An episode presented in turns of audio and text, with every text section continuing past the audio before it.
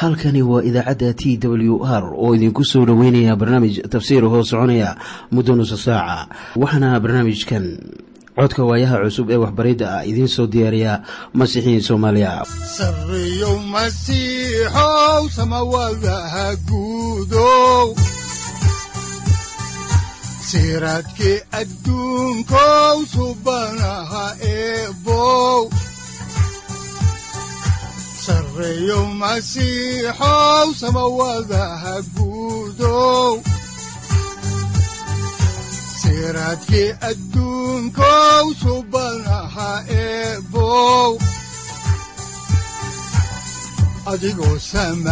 jiro ifkaan soo saldhiganba adigoo kutubtiisanaye udanogu saaciiday sharxin sifahaaga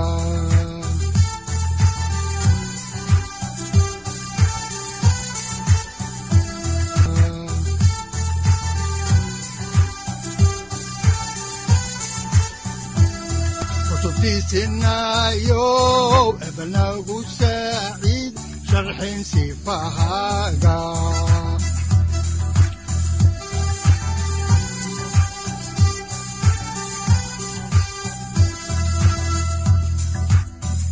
satirow ilaahow adanku su'aalne satirow ilaahow adanku su'aalne safarka kulibana samaha masiixoon sabilahaynaga yee mar kale ayaanu dhegaystayaal idinku soo dhoweyneynaa barnaamijka. Waxaana ku soo dhowaada dhegaystayaal barnaamijkeenna dhammaantiinba waxaannu horay u sii ambaqaadi doonnaa daraasaadkii aynu ka soo xiganaynay kitaabka bilowgii ee loogu magacdaray baibalka dhammaantii.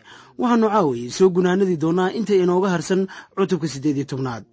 Waxaanan ku guda jirnay mawduuca ibraahim oo ilaah ugu soo dhowaaday sida dhexdhexaadiye waxaynu intaa kadib bilaabaynaa cutubka sagaaliyo tobnaad haddaba mawduucyada cutubka sagaaliyo tobnaadii ka kooban yahay waxa ay kale yihiin malaa'igtii oo timi sodom oo soo booqatay luud labo xaaladdii hoosiisay ee xagga damiirka ee magaalada sodom ku sugnayd.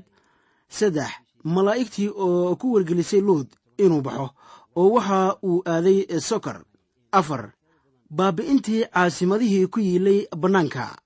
Shan dembigii fashaxaarka ahaa ee luut iminka waxaan idinka faalloonaynaa qaybtii u dambeysay ee cutubka siddeed iyo tobanaad.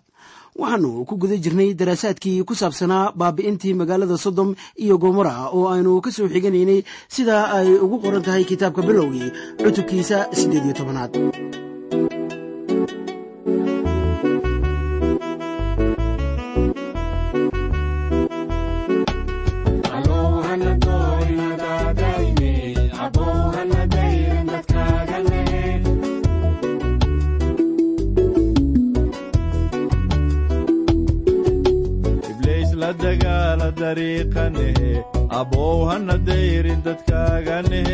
qofkii dulmi doono dabnaara galye abow hana dayrin dadkaaga nehe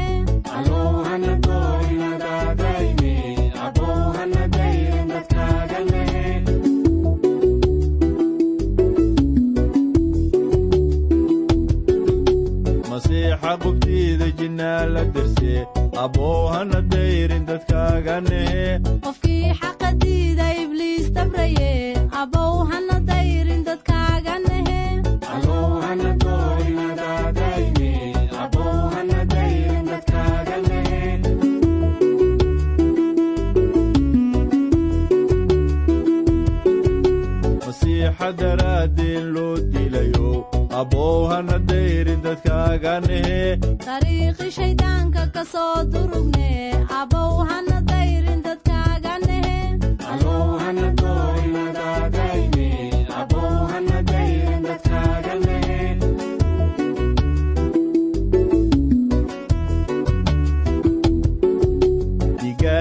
daadsana daahiriye abow hana dayrin dadkaaga nehe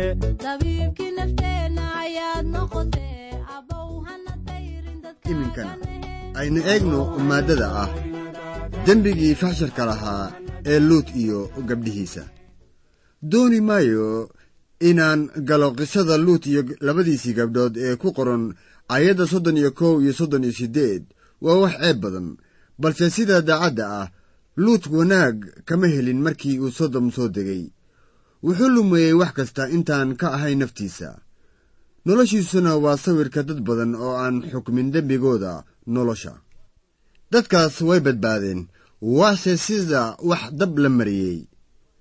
Sayidka wuxuu si qayaxan ugu sheegay kuwa la midka ah sida qof ukumo ka soo buuxiyey hal dembiil kuwaasoo haddaanay iyagu dembigooda xukumin bal ogow ilaah baa xukumi doone. Sida abaarta ah waxaa taas lagu soo qabanayaa qisadii luut. Waxaan markaa doonayaa inaan ku soo gunaanado cutubkan anigoo eegaya ibraahim haddaba sidee bay ula muuqatay ibraahim waxyaabahan dhacaya oo dhan? Aynu isla eegno cutubka sagaal iyo tobnaad aayadaha toddoba iyo labaatan ilaa siddeed iyo labaatan oo leh. Ibraahim aroortii hore ayuu u kacay meeshii uu rabbiga hor istaagay oo wuxuu eegay xagga sodom iyo gomora iyo dhulkii bannaanka oo dhan.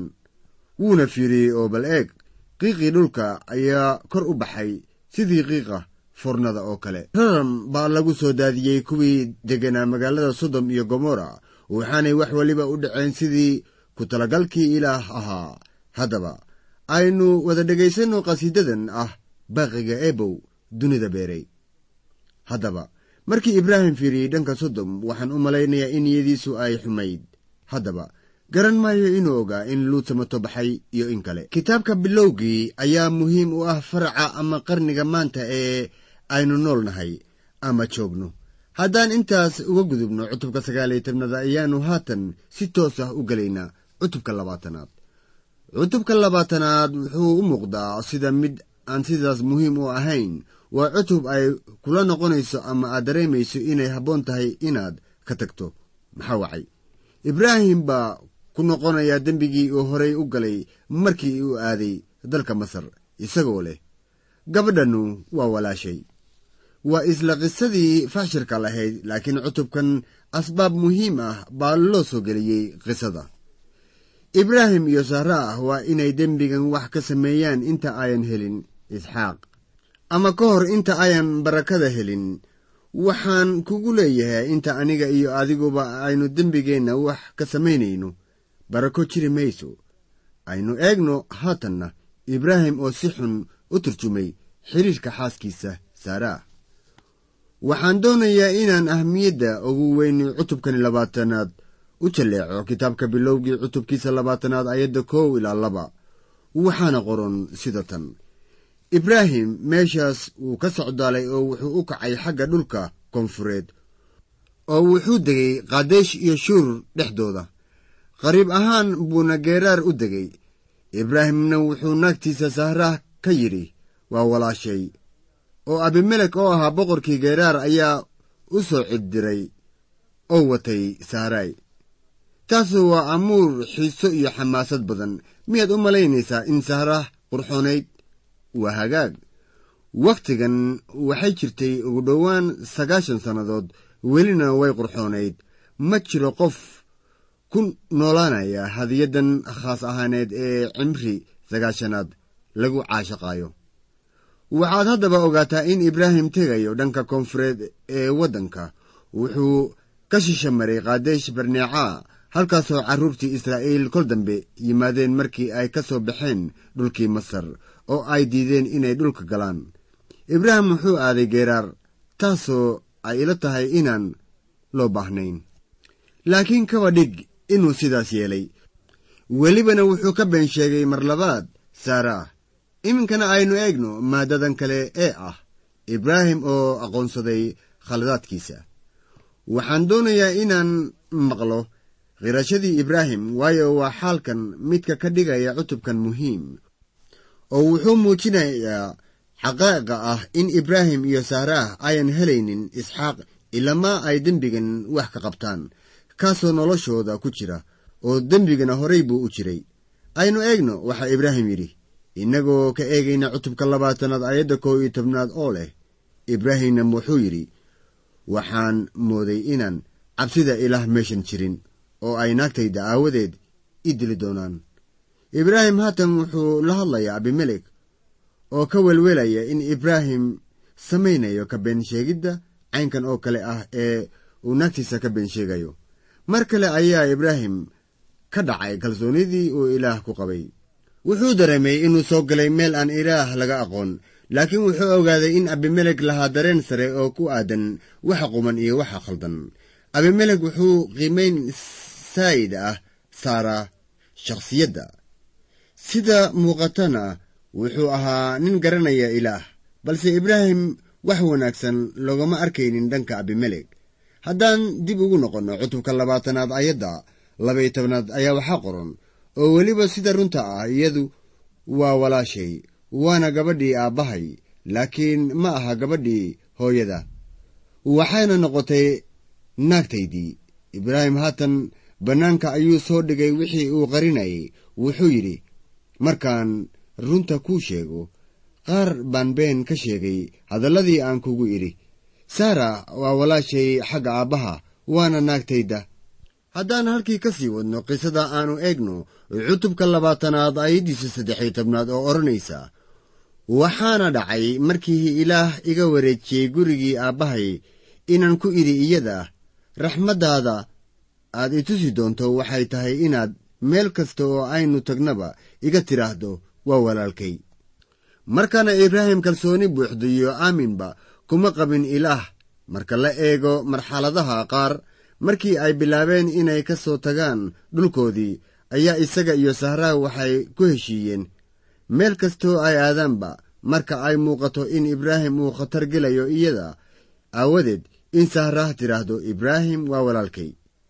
Heshiiskaas baa ka dhexeeyey masar bay sidaas ku sameeyeen halkanna way ku sameeyeen haddana. Dembigan waa in wax laga qabtaa intaannu ilaah ka jawaabin baryada ibraahim ee ah in wiil siinayo. Haddaba isxaaq dhalan maayo ilaa iyo inta dembigaas wax laga qabanayo. Haddaba waa imisaa masiixiyiinta aan xukumin dembiga noloshooda? Oo taas aawadeedna aanay noloshoodu lahayn barakada.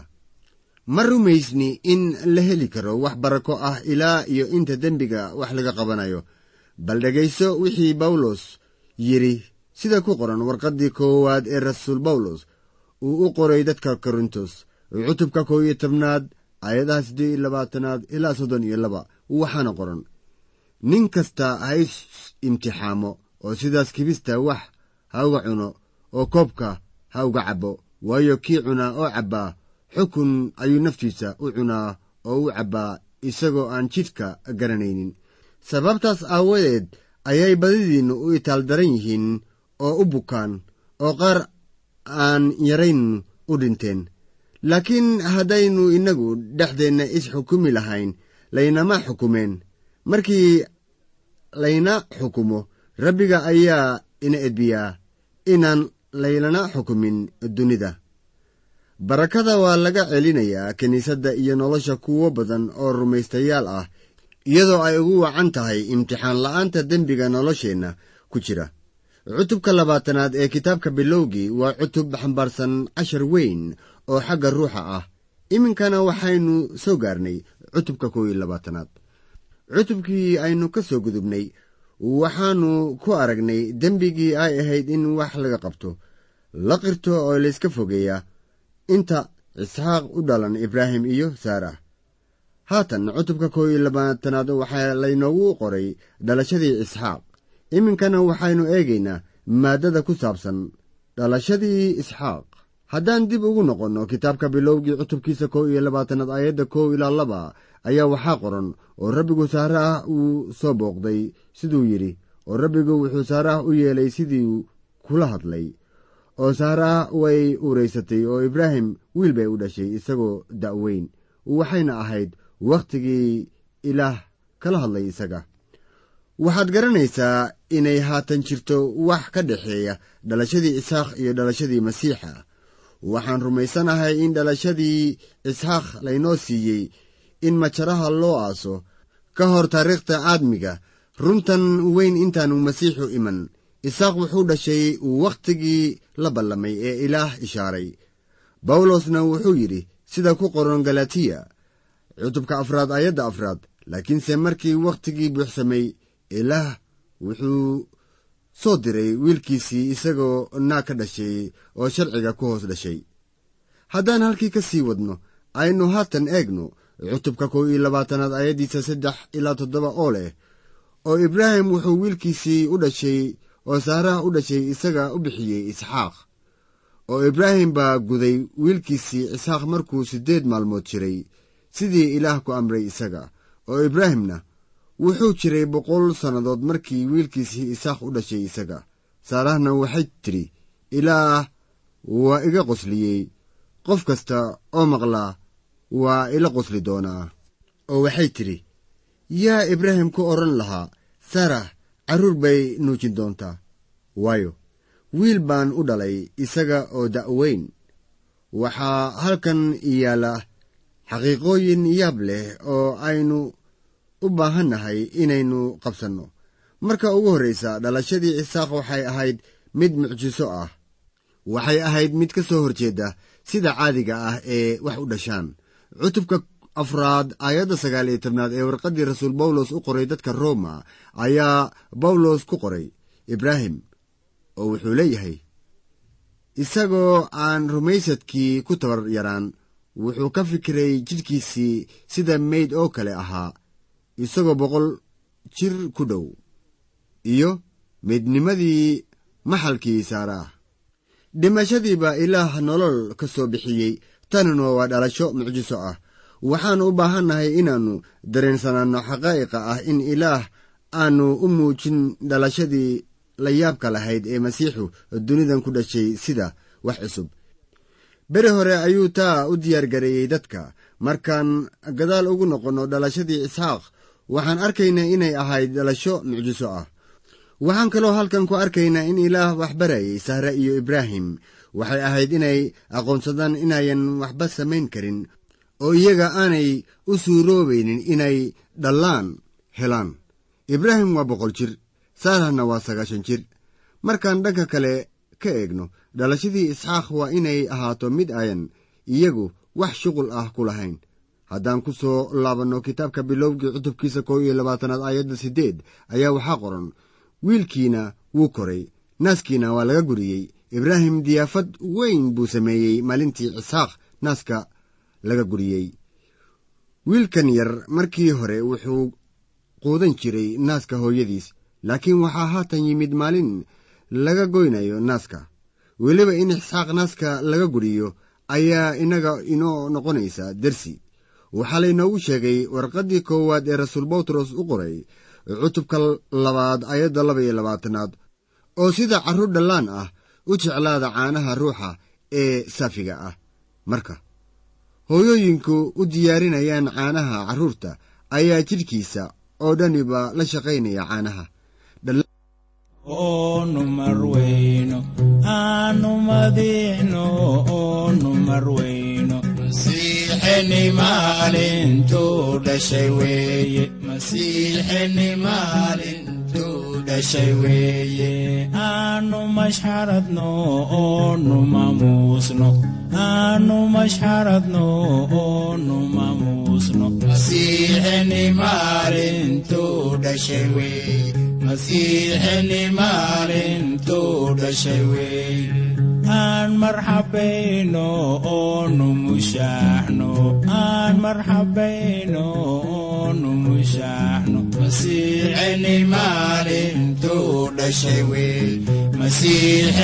maalintuu dhashay weeye inuu morajiifo mara lagu duubay inuu morajiifo mara lagu duubay habeen mugdiyey maalaa igu sheegtay habeen mugdiyey maalaa igu sheegtay asagaa mudane mahadanu celino asagaa mudane mahadanu celino masiixeni maalintuu dhashay masiixeni maalintuu dhashay wey waa la musmaaray una murugooday waa la musmaaray una murugooday masiixini maalintuu dhashay wey masiixini maalintuu dhashay wey maqaawirtii garatay meeshuu ku dhashay. Maqaawirtii garatay meeshuu ku dhashay. Masiixini maalintuu dhashay wey masiixini maalintuu dhashay malmal iyo fooxna maryan loo keenay malmal iyo fooxna maryan loo keenay masiixini maalintuu dhashay wey masiixini maalintuu aanu madiino oonu marweyno aanu maalintuu dhashay wey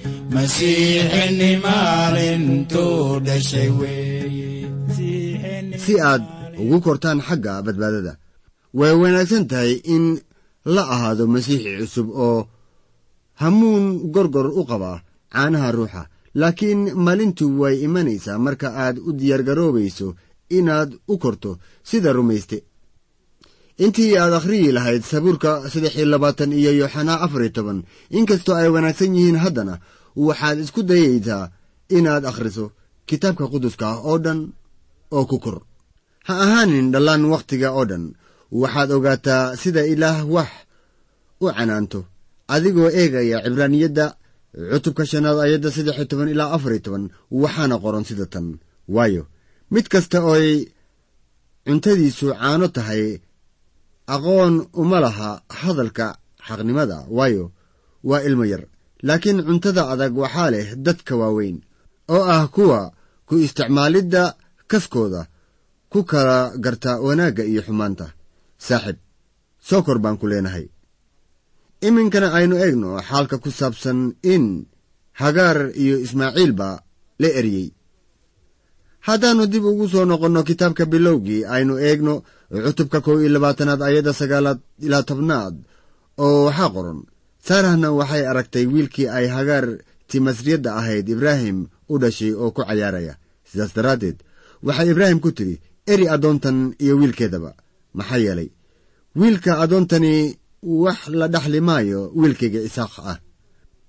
Markii guriga uu soo galay isxaaq ayaa taasu hubaal ahaan keentay dhib aad u weyn. Waxaynu arkaynaa wiilkii hagaar waa ismaaciile inuu ku ciyaarayay saaraah waxaynu haatan arkaynaa dabiicadda iyo shakhsiyadda ismaaciil. Ilaa iyo wakhtigan wuxuu ahaa wiil wanaagsan laakiin haatan markii qoyska uu soo galay wiilkii isaaq ahaa ayaa ismaaciil muujinaya dabiicaddiisii dhabta ahayd.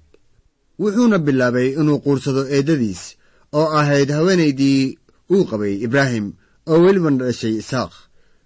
Wiilka naagta addoonta ah waa in la raacdeeyaa waana taas tan kitaabka bilowgii laynoogu soo qoray waa in wiilka naagta addoonta ah ee hagaar ah la eryaa aynu dib ugu noqonno cutubka kow iyo labaatanaad oon isla eegno ayadda kow iyo tobnaad oo leh waxaasuu ibraahim aad buu ula xumaa xagga wiilkiisa. Intaa kadib xagga dhiigga iyo jidhka ismaaciil waa wiilkii ibraahim. Sida isxaaqba yahay isxaaq haatan wuu dhashay oo welina waxba kala garan maayo. Laakiin wiilkan ismaaciil ah sannado badan buu guriga joogay oo haatan waa dhowr iyo toban jir oo ibraahimna waa inuu daryeelo. Xaalku wuxuu noqonayaa mid qoomamo leh. Haddii ay tahay in ibraahim eriyo haatanna ibraahim go'aan buu gaarayaa waana mid uu aad iyo aad uga fakaray. Sahraha waxay ahayd haweenaydii sharci ahaan uu u qabay iyo afo uu aad u jeclaa waa inuu iyada iyo ilaahii uuntayba raalli geliyaa. Waayo ilaah wuxuu la jiraa saarah waana tan daraaddeed waxa laynoo leeyahay waa inaan ilaah u go'naa sida ku qoran. Warqaddii rasuul bawlos u qoray dadka rooma cutubka lixaad ayadda saddex tobnaad oo leh qayb ahaan laakiin ilaah isa siiya. Xubnihiinna ilaah u siiya sida qalabka xaqnimada. Bawlos horay buu u sii ambaqaaday isagoo leh sida ku qoran warqaddiisii rooma cutubka siddeedaad ayadda saddex ilaa afar oo leh qayb ahaan. Waayo wax aan sharcigu samayn karayn maxaa yeelay wuu itaal darnaa jidhka aawadiis. Haatanse ruuxa ilaah ayaa dhammaystiraya sharcigu wuxuu isku dayayaa inuu wax ka qabto dabiicaddii hore ee dadka. Mase suroobin haatanse ruuxa ilaah oo xambaarsan dabiicadda cusub ayaa dhammaynaysaa wixii sharcigu samayn waayey. Dabiicaddii ismaaciil oo ahaa wiilkii hagaar ayaa bilaabatay inay muuqato. Tan waa dabiicadda aynu arkayno in lagu caddeeyey wakhti dambe qarannada carabta. Waa qaran mucaarad badan oo gacantiisuna ay saaran tahay walaalkiis. Taasaa sawir u ahayd ismaaciil ilaa iyo qarniyadii hore dhalashadii cisaaq sidaan horay u soo sheegnay waxay ahayd gogoldhigga ama sawirka dhalashada sayid ciise masiix. Ilaah si lama filaan ah uma keenin dhalashadii ciise. Ka dhashay gabadhii bikradda ahayd. Horey ayuu inoogu sii diyaariyey markii la arkay dhalashooyin mucjiso ah oo dhacaya ha ka hor tii masiixa. Oo ay ku jiraan dhalashadii yoxanaa babtiisaha tii samson iyo dhalashadii isxaaq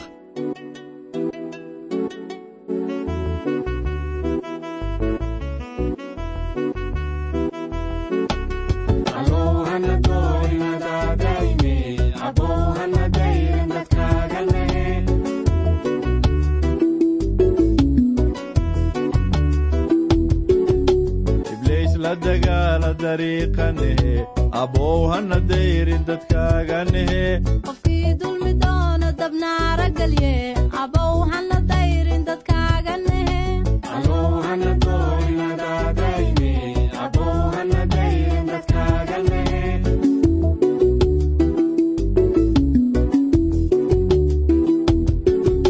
masiixa qubtiida jinnaa la derse abow hana dayrin dadkaaganehe qofkii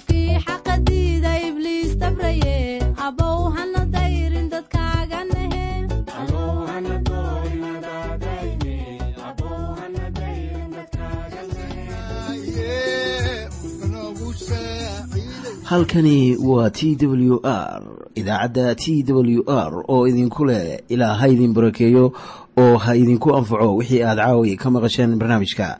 Waxaa barnaamijkan oo kalaa maqli doontaan habeen dambe hadahan oo kale haddiise aad doonaysaan in aad fikirkiina ka dhiibataan wixii aad caawi maqasheen ayaad nagala soo xiriiri kartaan som t w r at t w r c o k e dhegaystayaal haddii aad doonaysaan inaad mar kale dhegaysataan barnaamijka fadlan mar kale booqo www t t b o r g ama www t w r o r g halka sare waxaad ku arkaysaa markii aad gasho language ama luuqadda waxaana dooranaysaa soomaali.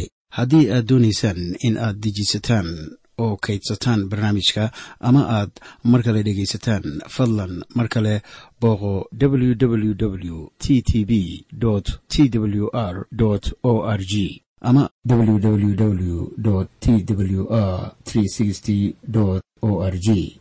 Haddii aad doonayso in laga kaalmeeyo dhinacyada fahamka kitaabka amase aad u baahan tahay duco fadlan fariimahaaga soo mari bogga aaraahda ama kommentska inana jawaab degdeg ah ayaanu ku soo diri doonaa amase ku siin doonaaye. Sarreyow masiixow salula wihiyow saacadda timid dhulka sabada ku dhalatiyo